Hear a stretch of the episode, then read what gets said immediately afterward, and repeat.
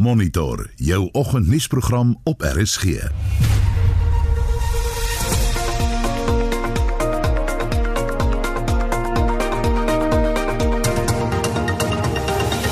In die program volgend die minister van basiese onderwys Angie Motshekga gee die groen lig vir meeste skole om te heropen.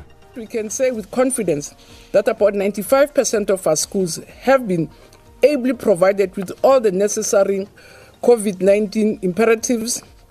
But also, it's a commitment that we have gazetted that a school which is not COVID 19 compliant will not be able to open because we cannot risk anything or risk anybody's safety. Plaasaanvalle neem toe. Ons praat oor die jongste voorvalle. En die voorspelling van 50 000 sterftes aan COVID-19 in Suid-Afrika word sterk bevraagteken.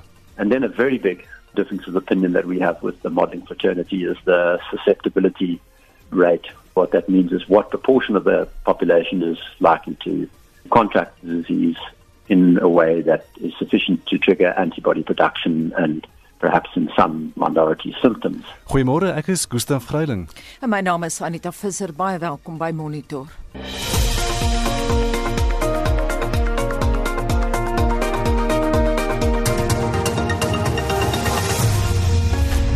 Dis nou 13 minute oor 6 jy luister na Monitor op RSG en die koerant voorblaai op Maandag die 8ste Junie.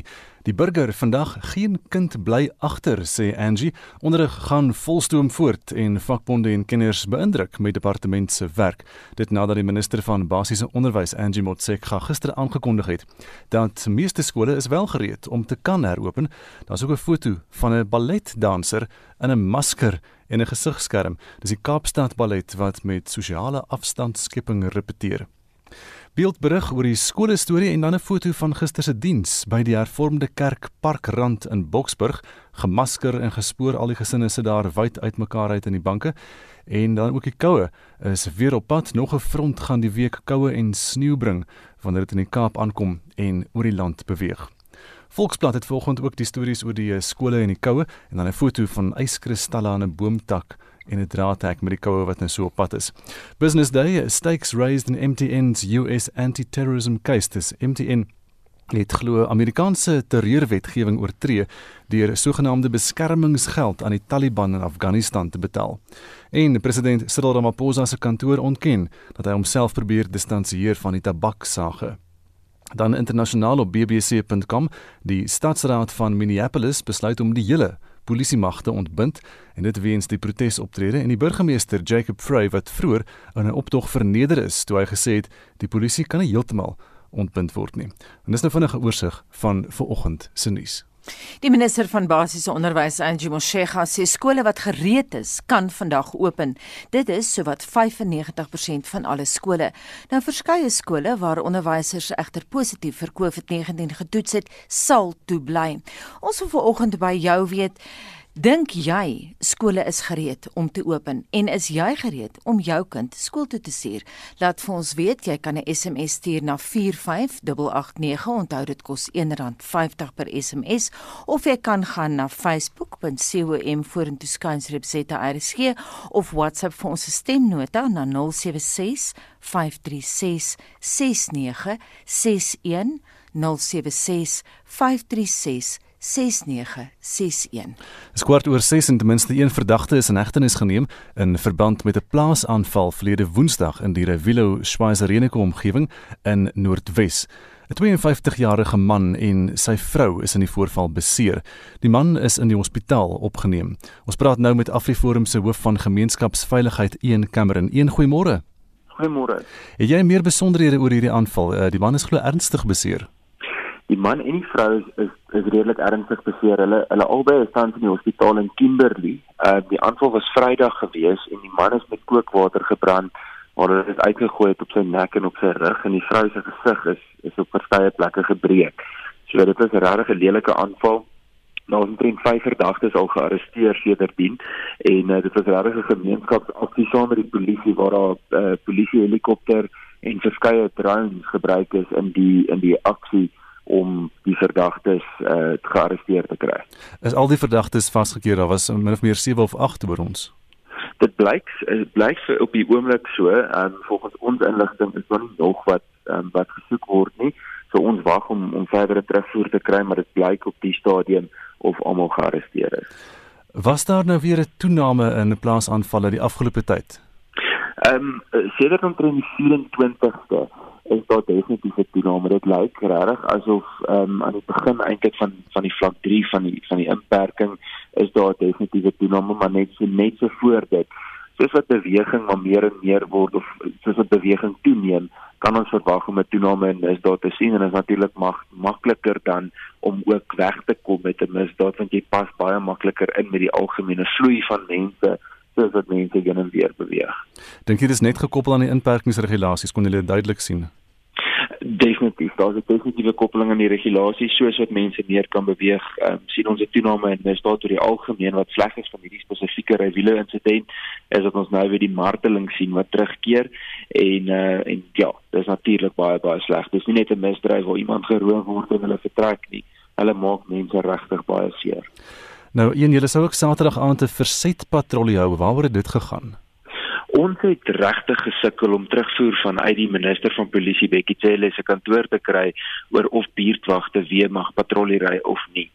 En uh, in in die um, vlak 3 inperkingsregulasies is daar niks wat sê buurtwagte mag nie patrollies ry nie. Daar's 'n uitsluitingsklausule in al die regulasies en in hierdie spesifieke gedeelte staan daar byvoorbeeld dat haarkappers nie mag voortgaan nie. Maar daar staan niks van buurt en plaaswagte nie. So ons mag dus patrollies ry. Ons het toe aangekondig verlede week dat ons sou patrollie ry en um, uit verskeie politieke oorde het ons het ons hier en daar teenstand gekry en sê wag 'n bietjie julle moet eers toestemming kry. En toe sê ons nee nee ek dink hier's 'n hier's 'n fout. En ons het toe aangekondig dat ons 'n versetpatrollie gaan doen om te sê maar ons gaan nie toestemming vra of ons onsself mag veilig hou nie. Nietemin dit was 'n baie groot sukses. Ons het saterdag aand letterlik duisende mense op die pad gehad en uh, en dit het verskriklik goed gegaan. Om die waarheid te sê, is ons op grondvlak verwelkom deur die polisie en die verhouding tussen ons en die polisie op grondvlak is baie gesond en uh, en ek dink die regte boodskap is uitgestraal dat ons nie kan wag vir iemand anders om ons veilig te hou nie. Ons moet self ook verantwoordelikheid vat. So kan julle daai patrollies nou ry met permitte of of hoe werk dit?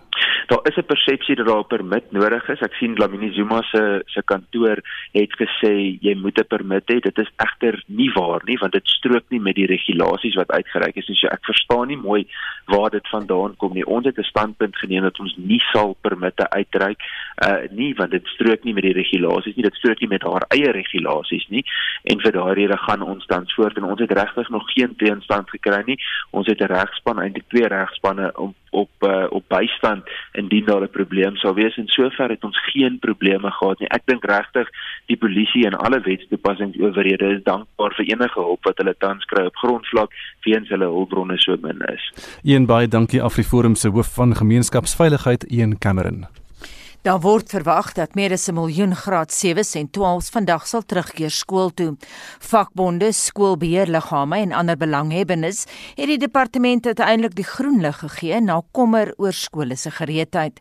Die minister van basiese onderwys, Angie Motshega, het die media gistermiddag hieroor toegespreek. Hendrik Martin het hierdie verslag saamgestel. Die onderwysdepartement sê uit die meer as 23600 skole is 23100 gereed om leerders te ontvang. 5% skole is egter nie geskik om oop te maak nie. Motsega sê hulle het met vakbonde gepraat. So we did receive a joint report from unions. We received reports from provincial heads of education and DG will speak to that. We received a report from Rand Water to say how far we were but also received a report from the National Consortium led by the NECT. All these reports indeed confirm the point that we have really moved a long way in being ready for teaching on the 8th of June. Meer as 1600 skole landwyd is tydens die Grendelperiode gevandaliseer. As 'n gevolg kan meeste van hulle nie oopmaak nie. Motsega sê die departement sal egter verseker dat geen leerling agtergelaat word nie. So, for the remaining 5% or so of learners, alternative measures have been developed by different districts and provinces. Some of them include using neighboring schools, using underutilized spaces, for instance, in boarding schools, and putting other learners in camps just to make sure, as I said, indeed, no learner must be left behind. Because some of these alternatives need consultations with parents in particular, provinces will be engaging parents and following appropriate protocols to get parental concession that we move learners from where they are and find them spaces in alternative places. Gauteng en die Oos-Kaap het probleme ervaar met die verskaffing van veiligheidsmateriaal omdat sekere verskaffers ontevrede was. Terwyl Gauteng die probleem gou opgelos het, is die lewering van maskers in die Oos-Kaap egter geraak. Die direkteur-generaal in die departement, Matanzima Mweli, the delivery slowed down because of community protest which was precipitated by local business people who wanted the delivery of COVID essentials to be done by them. And it delayed the delivery in these areas and it brought the performance of the Eastern Cape as a whole down compared to all the nine provinces. Water en sanitasie is aan meer as 2900 skole verskaf met tankwaans van Randwater. Meeste van die tankwaans is in KwaZulu-Natal, Limpopo en die Oos-Kaap ontplooi. Die uitvoerende hoof, Percy Sechemane, sê hulle soek nog na 'n langtermynoplossing. As soon as we get tanks filled with the tankery services, we're going to work with the Department of Basic Education, find a sustainable way of supplying water through various reticulation systems, standpipes, and the usage of boreholes. Motseka sê ouers wat nie gereed is om hulle kinders skool toe te stuur nie, sal oor alternatiewe opsies geraadpleeg word. Hierdie bydra van Pumzile Mlangeni en ek is Hendrik Martin vir SAK nuus. Dis 23 minute oor 6 en die sakeverslag word aangebied deur Johan Botchits van PSG Wealth Pretoria Oos. Goeiemôre Johan. Môre Gustaf. Wêreldmark het verlede week positief geëindig met veral die Amerikaanse markte wat baie sterk was. Nou die S&P 500 het nou bykans alle verliese herwin sedert dit in Maart ongeveer 32% um, verloor het.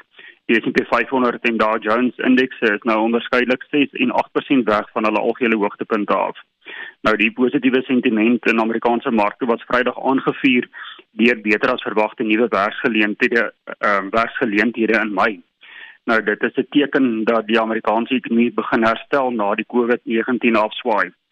Beleggers moet egter steeds versigtig wees vir wisselvalligheid op die korttermyn, aangesien die herstelpad nog 'n geruime tyd kan duur. Verskoon tog. Op die plaaslike front het die JSE ook die week sterk gesluit op 54722 punte met veral die finansiële indeks wat lekker sterk was en 4,4% hoër gesluit het. Die hoër oliepryse het ook um, Sasol se aandeleprys baie ondersteun. Dan het ons ook gesien dat ehm um, buitelandse beleggers weer sterk kopers was van ons staatseffekte. Nou buitelandse beleggers het bykans 70 miljard rand se ehm um, effekte verkoop sedert die land se afgradering na rommelstatus. Maar hulle was weer die afgelope 2 weke netto kopers van ongeveer oh, verskoon tog van ongeveer 4 miljard rand se plaaslike effekte. Nou dit dui daarop dat ehm um, die buitelandse beleggers weer bereid is om meer risiko te aanvaar vir die beter opbrengs wat ons plaaslike effekte bied. Maatskappy nuus die week is dat MultiChoice en Telkom onderskeidelik Woensdag en Donderdag finansiële finansiële resultate bekend maak. Die Amerikaanse Federale Reservebank gaan ook Woensdag sy eerste opgedateerde ekonomiese vooruitsigte bekend maak. Nou dit is die eerste stel um, opgedateerde ekonomiese vooruitsigte sedert Desember verlede jaar. Aanwysers dui ook daarop dat Amerikaanse markte vanaand weer sterker gaan oopmaak. Vanoggend in die ooste is markte gelukkig ook weer positief. In Tokyo is die Nikkei 0,9% hoër op 23075 punte. In Hong Kong is die Hang Seng ook so 0,5% hoër. En markte in Australië is egter vanoggend gesluit op kommoditeitsmarkte verhandel goud teen 1688 dollar per fyn ons, platinum teen 839 dollar of so 0,6% hoër en olie kos 42 dollar en 88 sent per vatjie. Op die valutamarkte, die rand verhandel teen R16.81 vir 1 Amerikaanse dollar, R21.36 teenoor die Britse pond en R18.99 teenoor die euro. Dis al van my kant af. Ek wens julle luisteraars 'n wonderlike dag toe. En dit was dan die sakeverslag aangebied deur Johan Botchets van PSG Wealth Pretoria Oos. Na wie draai jy in tye van onstuimige markte? Tesame met 'n wêreldpandemie as jou betroubare finansiële raadgewer. Die spanadviseurs by PSG Wealth Pretoria Oos het die nodige kennis en ervaring om jou te adviseer rakende persoonlike aandeleportefeuilles, aftreebeplanning en beleggings. Besoek psg.co.za vorentoe streepie Pretoria Oos vir meer inligting en kontakbesonderhede. PSG Wealth Finansiële Beplanning is 'n goedgekeurde finansiële diensverskaffer. Suid-Afrika verloor daagliks minstens 6 kleuterskole weens die inperkingsregulasies wat bepaal dat die instansies nog nie oop mag wees nie.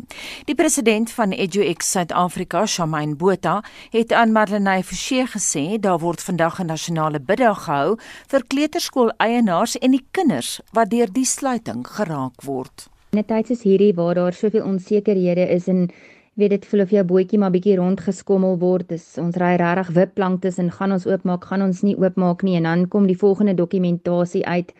Ek dink dit is vir ons belangrik om weet te onthou, ehm um, die Here is ons fondasie en hy is die rots waarop ons staan en maak nie saak wat se wind en weer kom nie. Ons kan staande bly as ons weet ons krag en ons hulp kom van hom af. Een van EduX se lede, Anel Harper, het met die idee vorendag gekom ons wil regtig van die breë publiek daar buite vra om saam deel te neem hier aan dat die ECD sektor kan sien daar is nog hoop en dat daar mense is daar buite wat vir hulle bid. So as julle asseblief maandag ietsie rooi sal aantrek en dan vir ons 'n plakkaatjie sal maak, sommer op 'n stuk papier iets hoopvol sal skryf en dan 'n fotootjie van jouself sal neem met daai plakkaat um, in jou hande en dit dan te plaas op ons EduXSA Facebookblad dan gaan ons daai ons ons hoop om daai stroom wat daar is so vol te maak dat ECD en elke persoon in vroeë onderrig daar buitekant kan sien. Hulle staan nie alleen nie. Volgens Botha besef die breër publiek nie hoe verrykend die gevolge van die inperking in die sektor strek nie.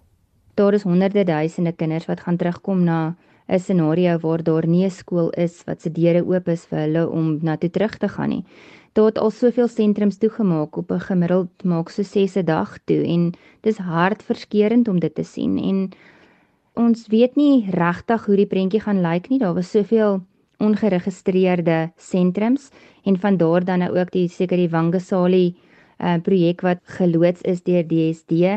Sy sê egter daar is lig aan die einde van die tonnel. Ek is betrokke by een van die agt taakmagte wat daar gestel is om seker te maak dat die reïntegrasie van ECD sentrum al die werk gedoen word en ek kan regtig sê die DSD is besig om verskriklik hard te werk saam met die privaat sektor om hierdie ding reg gedoen te kry en so vinnig as moontlik gedoen te kry. Ons is regtig opgewonde dat daar daar's hoop. Ons kan uitsien daarna om weer terug te gaan na ons sentrum toe en ek glo dat daai aankondiging wanneer die tyd reg is gemaak sal word. En dit was Shamaine Botha, president van EduX Suid-Afrika en Marlenae Forsie het daardie onderhoud met haar gevoer. Jy luister na Monitor elke weekoggend tussen 6 en 8. 629 in die jongste nuus die onderwysersvakbond Naptosa sê hy verwelkom die aankondiging van die ministerie van basiese onderwys dat 95% van skole vandag heropen vir graad 7 en graad 12 leerdlinge. Die dodetal weens COVID-19 in Suid-Afrika het gestyg met 46 tot 998. En 'n waterkenner maan munisipaliteite om grondwater naby begrafplaase te monitor in die lig van die COVID-19 pandemie pandemie en die verwagte 50000 dodetal bly ingeskakel.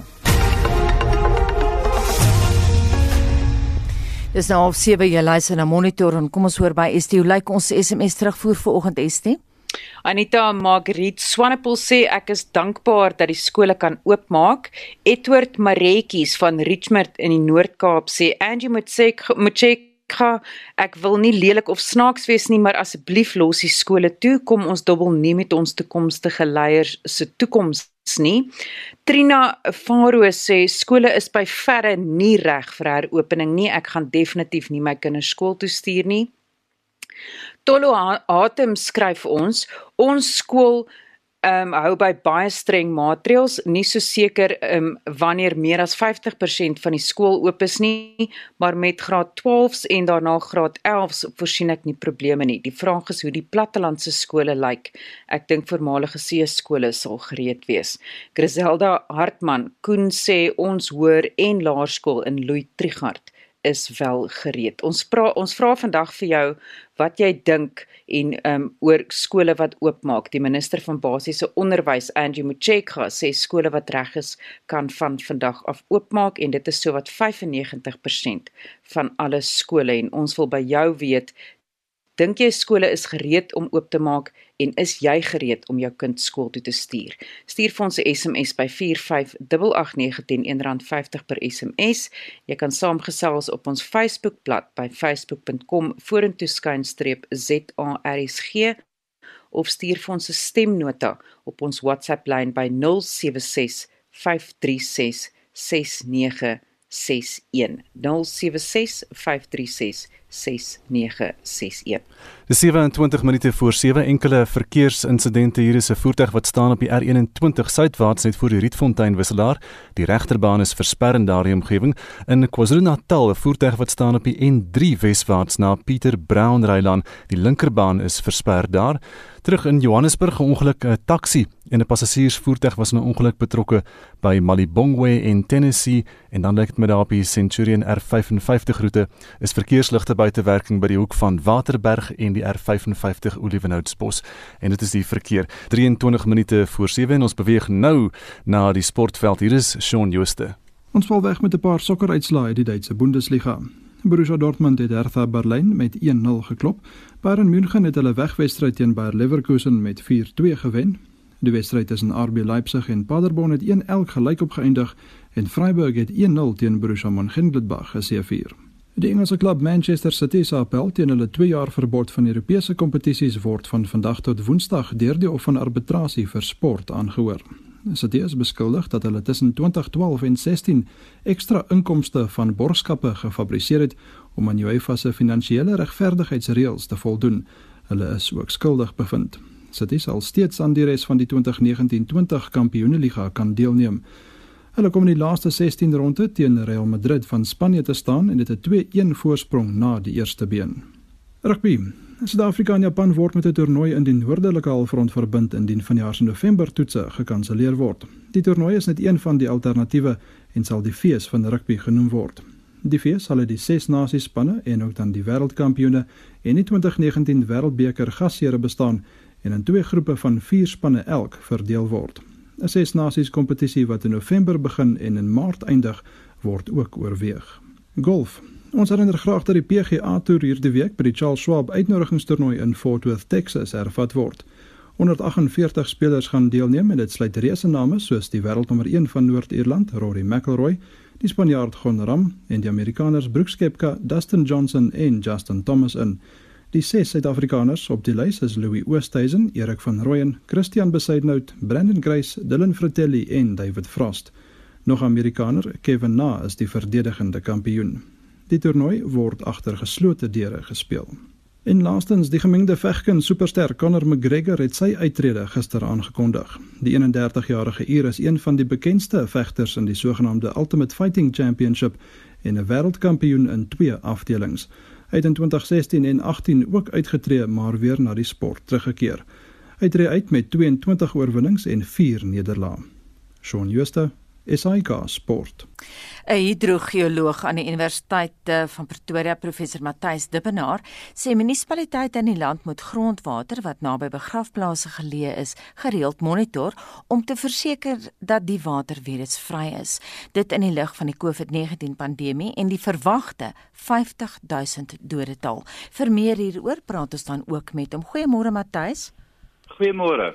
Jy is nou baie bekommerd hoekom Weet jy, die groot bekommernis hierso is as ons in 'n situasie sou kom met 'n uh, toename in lyke wat begrawe moet word, want wanneer dit dan gebeur, sit ons met 'n hele reeks moontlike besoedeling wat kan kom, nie noodwendig van die virus nie, maar saam met al die mediese toebehore en die kuste en die uh, hele proses van die formaldehied wat ons in die liggaam soms insit. So die groot bekommernis is die hele reeks van moontlike besoedeling weens swak geplaaste begraafplase in 'n tyd van nood. Ehm um, nou Matthys, weet ons nog nie hoeveel uh, oor die koronavirus en die verspreiding of gevare daarvan nie. Kundiges is dit nie eens oor uh, waarvoor ons op die uitkyk moet wees nie. Weet jy die kundiges kan uh RNA van die virus optel, maar die wonderlike ding van virusse, dankie tog, is dat hulle redelik ja, dit is redelik seker is daarvan dat hulle doodgaan sodra die liggaam wat hulle waarin hulle lewe doodgaan. Maar wat daarna gebeur nou is die virus oorleef miskien vir etlike ure, miskien selfs daar in die grond. Ons is daarvan nie baie bewus nie. Maar weer eens saam met die begrawe van talle lyke in swak terreine, sit ons hmm. met 'n hele reeks ander moontlike besoedelstowwe. So ons dink nie die virus gaan baie lank in die grond oorleef nie. Nee. Nou wat bepaal die riglyne in verband met waterbronne naby begrafplase? So die riglyne se doel is dat ons nie 'n dadelike pad skep waar langs enige moontlike besoedeling kan beweeg nie. So met ander woorde, ons probeer 'n sekere diepte tot die grondwater of naby oppervlakwater hê sodat ons seker is dat ons genoeg tyd gee vir enige virus of bakterie om dood te gaan in die grond in die beligte grond voordat dit beweeg na byvoorbeeld 'n boorgat toe en ook net dat ons die infiltrasie van water van die oppervlak af beheer. So met ander woorde hoe ons die graf toegooi na die tyd, hoe die grond gekompakteer moet word en hoeveel grafte ons op 'n plek kan sit. Maar dit is nou die onus en verantwoordelikheid vir ons water lê hoofsaaklik by die munisipaliteite, maar die probleem is dat hulle by die vasgestelde riglyne moet hou en dan nou nie kort paai moet vat nie, né? Ja, en meeste van ons munisipaliteite tans doen 'n uh, goeie werk hiervan. Die probleem is weer eens as die mense nou sit met 'n situasie wat ons nou skielik moontlike toename van like kan kry, jy weet, want vir begrafplaas nodig is goeie grond. Dit moet goed uitgraapbaar wees, dit moet droog wees en daardie grond het amper altyd 'n uh, meer ekonomiese ander doel wat dit kan dien. Jy weet, dit is goeie grond vir ontwikkeling op 'n landbou. So ons moet net sorg dat ons by die regulasies bly en dat ons sinvolle grond hou vir hierdie doel vir as ons in hierdie ramp val en sit met dit situasie. Ons praat vanoggend met professor Matthys Dippenaar, hy's 'n hidrogeoloog aan die Universiteit van Pretoria. Matthys, jy praat nou oor die gehalte van die grond. Jy het navorsing gedoen oor die sogenaamde onversadigde sone tussen die grondwater en die oppervlak van die grond. Wat is die kruks van jou navorsing? Die kruk sal wees dat die attenuasie of die hantering van enige moontlike besoedeling gebeur in hierdie sone want solank sodra ons iets kry wat van die oppervlakte beweeg tot in die grondwater direk, dan het ons 'n redelike direkte roete want besoedelde grondwater het op 'n stadium interaksie met of 'n rivier of iemand pomp dit uit 'n boorgat uit om te gebruik. So ons probeer in hierdie sone tussen die landoppervlakte en die grondwatertafel meer verstaan hoe ons kan verseker dat organiese en biologiese besoedeling in hierdie sone totaal dood uitsterf voordat dit moontlik by 'n rivier of grondwater kan uitkom. Matthys, hoe vergelyk Suid-Afrika se watergehalte naby begrafplase met elders ter wêreld? Die begrafplase wat ons al na gekyk het, is redelik goed. Suid-Afrika is glo dit of nie nogal aan die voorfront van die navorsing oor gehalte van water in naby van begrafplase hoofsaaklik omdat ons maar 'n land is wat glo aan begrafnisse, jy weet, en begrawe eerder as byvoorbeeld verassing en omdat ons so baie mense het wat naby begrafplase van water afhanklik is. So die wat gemonitor en gereguleer en goed geplaas is, is redelik goed gewoonlik, maar ons probleem is hordes onwettige begrafplase of studies wat wat nie gedoen word nie en dan weet mense regtig wat die groot risiko is nie. Baie dankie. Dit was dan 'n hidrogeoloog aan die Universiteit van Pretoria, professor Matthys Dippenaris kwart voor 7 hier by Monitor op RSG en die firma Pandemics Data and Analytics of terwyl Panda trek die COVID-19 voorspellingsmodelle in twyfel wat die regering gebruik. Die modelle wys dat tot 50000 mense in Suid-Afrika kan sterf aan die siekte. Banda sê die modelle is verkeerd en het veroorsaak dat die regering se beleid op vrees gebaseer is. Die maatskappy eis dat die inperkingstydperk onmiddellik gestaak word. Mitsi van der Merwe doen verslag. Nick Hudson het in 'n oop brief aan die president aangevoer dat die voorspelde syfers verkeerd is. Hy sê die Suid-Afrikaanse voorspelde sterftes aan COVID-19 het aanvanklik by 350 000 begin. The 40,000 death limit would put us in line with the worst countries in the world. To date, only a couple of countries have struck that kind of level in terms of deaths per million. because we're talking there about something in the region of 650, 700 deaths per million people. Those are countries like Belgium and Spain and Italy. And those countries differ from South Africa in important ways. They're older countries. They have higher incidence rates of the comorbidities that are associated, particularly amongst the elderly, with a risk of death from coronavirus. Die lande is volgens hom ook ryker. If you look at the rest of international experience, what stands out markedly is that poorer countries, younger countries, countries with lower prevalence of these comorbidities have much, much lighter experience. There are only 12 countries in the world that have exceeded 150 deaths per million people after peaking in terms of their own epidemic experience. And 150 deaths per million would have South Africa sitting at about 9,000 deaths in total. So one quarter of what is being modeled. Die 12 lande waar daar wel 150 sterftes per 1 miljoen mense is, is almal in Noord-Amerika en Wes-Europa. If you compare to countries that are more similar to ours that have peaked, the story is a much much lighter one, probably even half that.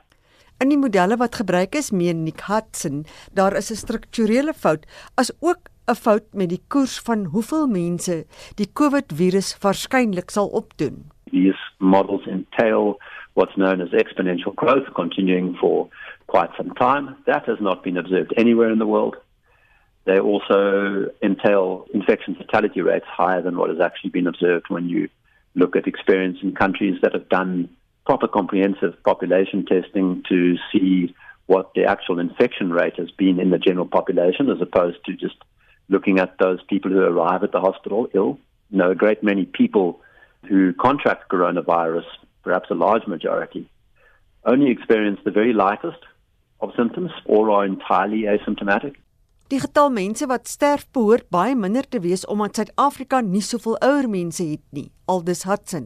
And then a very big difference of opinion that we have with the modeling fraternity is the susceptibility rate. What that means is what proportion of the population is likely to contract the disease in a way that is sufficient to trigger antibody production and perhaps in some minority symptoms. Our view is that every single data point that's emerged to give us an indication of what that proportion might be indicates a number much lower than what these modelers are using. And it seems to be lower still in developing countries as opposed to developed ones. Die saak word volgens Hartsen bemoeilik deur die geheimhouding van die modelleerders. The models have not been very transparent in terms of articulating their assumptions and letting us know what the logic is behind how they get to these numbers. The number that probably scared our president into action, and fairly so, was a number in the somewhere between 300 and 400,000. But that was the upper end of the range of the Sakema modeling team that triggered our lockdown and the advice that it was giving to government. Die getal sê Hudson is heeltemal uit verband hoog. A number somewhere between 300 and 400,000. That's a number, as, as we keep on pointing out, that is probably 10 times what the modelers are forecasting at the moment and probably 40 times what would be a very high number for South Africa. Wat meer is, sê Hudson, die regering is heeltemal bewus van Panda se standpunt. Yeah, there hasn't been a reaction. We participated in the modeling symposium on the 21st of May, and um, we made our view very clear. We had no contact with the modeling teams that we hadn't initiated ourselves. And after a couple of weeks, we started firing off these letters to them to say, listen, guys, you need to tell us what you're assuming, why you're putting these numbers out there, because we think it has very serious consequences for the country. You know, what we face is a continuing lockdown, mainly out of concern for an overburdening of the hospital system that arises from these models. And these models, as far as we can tell, just simply bear no relation to the reality that has been produced in the rest of the world. Nick Hudson is van die koördineerders van die maatskappy Pandemics Data and Analytics Panda. Mitsi van der Merwe, SAK nuus. Dit is van dese maand presies 3 jaar dat Saudi-Arabië, Bahrein, die Verenigde Arabiese State en Egipte alle toegang, lug, see en landroetes na Qatar gesluit het. Die ekonomiese effek daarvan was dat Qatar ander vriende soos Turkye, Iran en Pakistan gaan maak het om ekonomies aan die gang te bly. Vir meer oor die redes vir en die effek van die sanksies, praat ons nou met professor Willie Breitenberg van die Universiteit Stellenbosch. Môre Willie Môre Anita. Skets vir ons asseblief kortliks die agtergrond. Qatar was aanvanklik deel van die sogenaamde Gulf Cooperation Council wat op 25 Mei 1981 in Abu Dhabi gestig is. In die liggaam sou 50 miljoen mense in die streek verteenwoordig, maar dinge het in Junie 2017 skeef geloop. Hoekom? Ja, dit is 'n ingewikkelde storie wat ek kort sal maak, naamlik dat uh die golflande daar ses van hulle uh, wat is ook lede van uh, Opel. Dit is die olieproduserende uitvoerlande die uh, Opel is gestig in uh, uh 1973 en hy 13 lede en die kern van hierdie groep van die Opel lande is dan nou die ses lande van hierdie uh, Gulf Council uh, hierdie golfraad. uh die name van hulle wat wat daarin is is dan nou ook 'n uh, uh, heel bo aan die lys kan mense sê is Saudi-Arabië, dan is dit Iran en die Emirate en Kuwait en Irak en Qatar. Dit is die ses van hulle. Uh die reël binne uh Opel is dat uh hulle wil hulle produk uh olie aan die wêreld verkoop uh, maar hulle 'n kartel. En dan beteken dit die lede van die kartel uh bepaal self wat hulle pryse gaan wees. Want op 'n stadium toe uh, net voor hulle gestig is was die prys van wêreldwye olie maar iets soos uh 3 rand vir 'n faaitjie olie uh dit was in 73 gewees toe Opel gestig is en uh, die plan het gewerk want olie het gestyg en wat is dit 2013 dit is nou so uh trend 7 jaar gelede was dit die hoogste wat dit nog ooit was 112 rand of 112 uh dollars per vatjie olie. Uh die prys vandag, ek het gister gekyk wat dit is, was dit 38 gewees. Mm. So uh, die die oliepryse het dus dramaties afgekom wat dit was. Maar omdat Qatar die kleinste lewerancier is en die reëls van die uh, van die lede van hierdie kartel is juist dat hulle wil hulle hulle olie op so 'n manier verkoop dat uh, almal daar voordeel kan trek, maar niemand mag heupskry breek nie. Mm. Hulle uh, uh gesamentlik word daar op 'n kwota besluit uh wat hulle mag produseer. Dit is miljoene uh olie per dag. Dit is nou vaatjies per dag. Uh maar omdat Qatar die kleinste van hierdie lande is, het hy eintlik 'n bietjie verneek.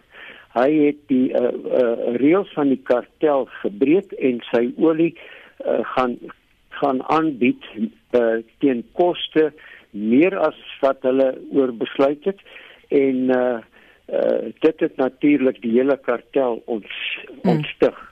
Uh, die kort van die lank is nou dit kom daarop neer dat dat Qatar is die kleinste van hierdie olieverskaffers. Saudi-Arabië is die grootste en in die middel is dit Kuwait wat as die bemiddelaar optree uh tussen Saudi-Arabië wat die leier is want dit is ook waar die hoofkwartier van uh uh, uh hierdie golfraad is dit is in uh Riyadh.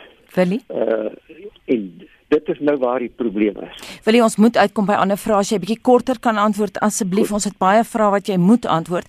Qatar het nou intussen sy eie vriende gemaak. Hoe suksesvol is die afgelope 3 jaar se ekonomiese bande met Turkye, Pakistan en Iran? Dit is nie baie suksesvol nie want uh uh hulle is wel moslimlande maar twee van hulle is nie eens olieproduserende lande nie. Turkye is nie 'n besondere olieproduserende land nie. Hy is nie lid van van Opel nie. En uh uh Iran is soort van die uitgeskopte ene is uh want hy's nie 'n Arabiese land nie. Uh die perse wat daarin bly en hulle kon dus nou eintlik nie veel doen vir Qatar in onder hierdie omstandighede nie. Dus dit is om maatjies te soek op die speelgrond, maar dit is vreemde maatjies en uh dit pas nie mooi in by die profiel van wat hulle goed te pas sou gekom het nie. Hmm. En daarom is hierdie 'n probleemsituasie. Qatar se ekonomie was grootliks geskoei op gas, maar Al Jazeera berig nou dat die land toenemend sy eie kos produseer, wil nie?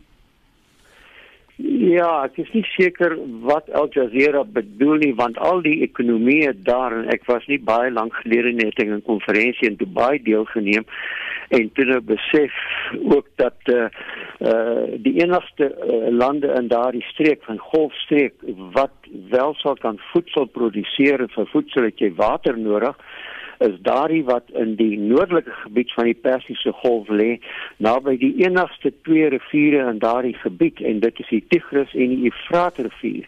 Maar wat eh uh, uh, Qatar betref, Qatar is ver suid van en dit is is eh uh, baie ver van waar die riviere is, maar wat hulle wel doen is om uh, te probeer diversifiseer en ander produkte uh, petrochemiese produkte te te lewer en uh, uh, ook om uh, die uh, seewater te ontsout moontlik vir landboudoeleindes maar dan is dit vrek duur. So om nou te sê dat hulle ook ander voedsel produseer, ek is nie seker dat dit waar kan wees nie. Maar kom ons gee toe dat hulle 'n bietjie daarvan regkry, maar dit is dan 'n baie baie duur proses. Dit gaan goedkoper wees om kos in te voer as om dit van ons soute seewater uh, aan die gang. Baie dankie dit aan die mening van professor Willie Breitenberg van die Universiteit Stellenbosch se departement politieke wetenskap. Dis 2 minute. Dis 2 minute voor 7. Ons het enkele verkeersvoorvalle in KwaZulu-Natal. 'n Voertuig staan op die N3 weswaarts na Pieter Brown. In Pretoria staan 'n voertuig op die N1 suidwaarts by Atterbury-weg. Die noodbaan is versper daar. 'n Voertuig staan ook in Johannesburg op die N3 noord na die Elandswisselaar. Die linkerbaan is versper in daardie omgewing en dan kyk ons na 'n voertuig wat staan op die N1 noord by Beyersnodie. Die uh, af afrit daar is versper. Ons gaan nou na terugvoer van die luisteraars en hier is Estie. Gustaf, kom ons luister eerstens na stemnotas wat van ons luisteraars vir ons ingestuur het. My naam is Renay en ek dink beslis die skole is gereed om te open. Ek gaan vandag self skool toe, ek is 'n onderwyser en uh, ons skool is ten volle gereed vir die COVID-19 pandemie. Ek was gisterand in 'n kompleks gewees met baie woonstelle natuurlik en daar het soveel kinders bymekaar gespeel um buite die kompleks ek meen hand aan hand geloop en mekaar gestamp en speletjies gespeel. So as dit kan gebeur en die ouers dit toelaat, dan glo ek die kinders kan maar skool toe gaan want wat is die rede dan dat hulle nie die kinders op skool toe stuur nie?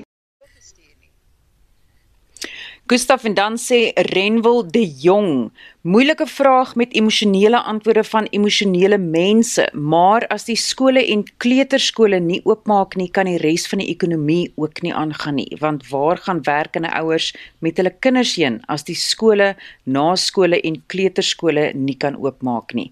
Tersha Jacobs, ek neem aan sy se onderwyseres, sê vir ons, ons skool het reeds verlede week uh, met matrieks en graad 7s um oopgemaak. Die nuwe normaal is anders, maar ek weet nou verseker dis daai laggies en geklets wat my laat lewe. Ek het my kinders so gemis en hulle het mekaar en skool ook gemis. Ons sal hierdeur op die beste manier wat ons kan en en die nuwe kom en die nuwe normaal is ook oukei. Okay. Ons het later weer terugvoer intussen is dit 7 uur en nuustyd op RSG.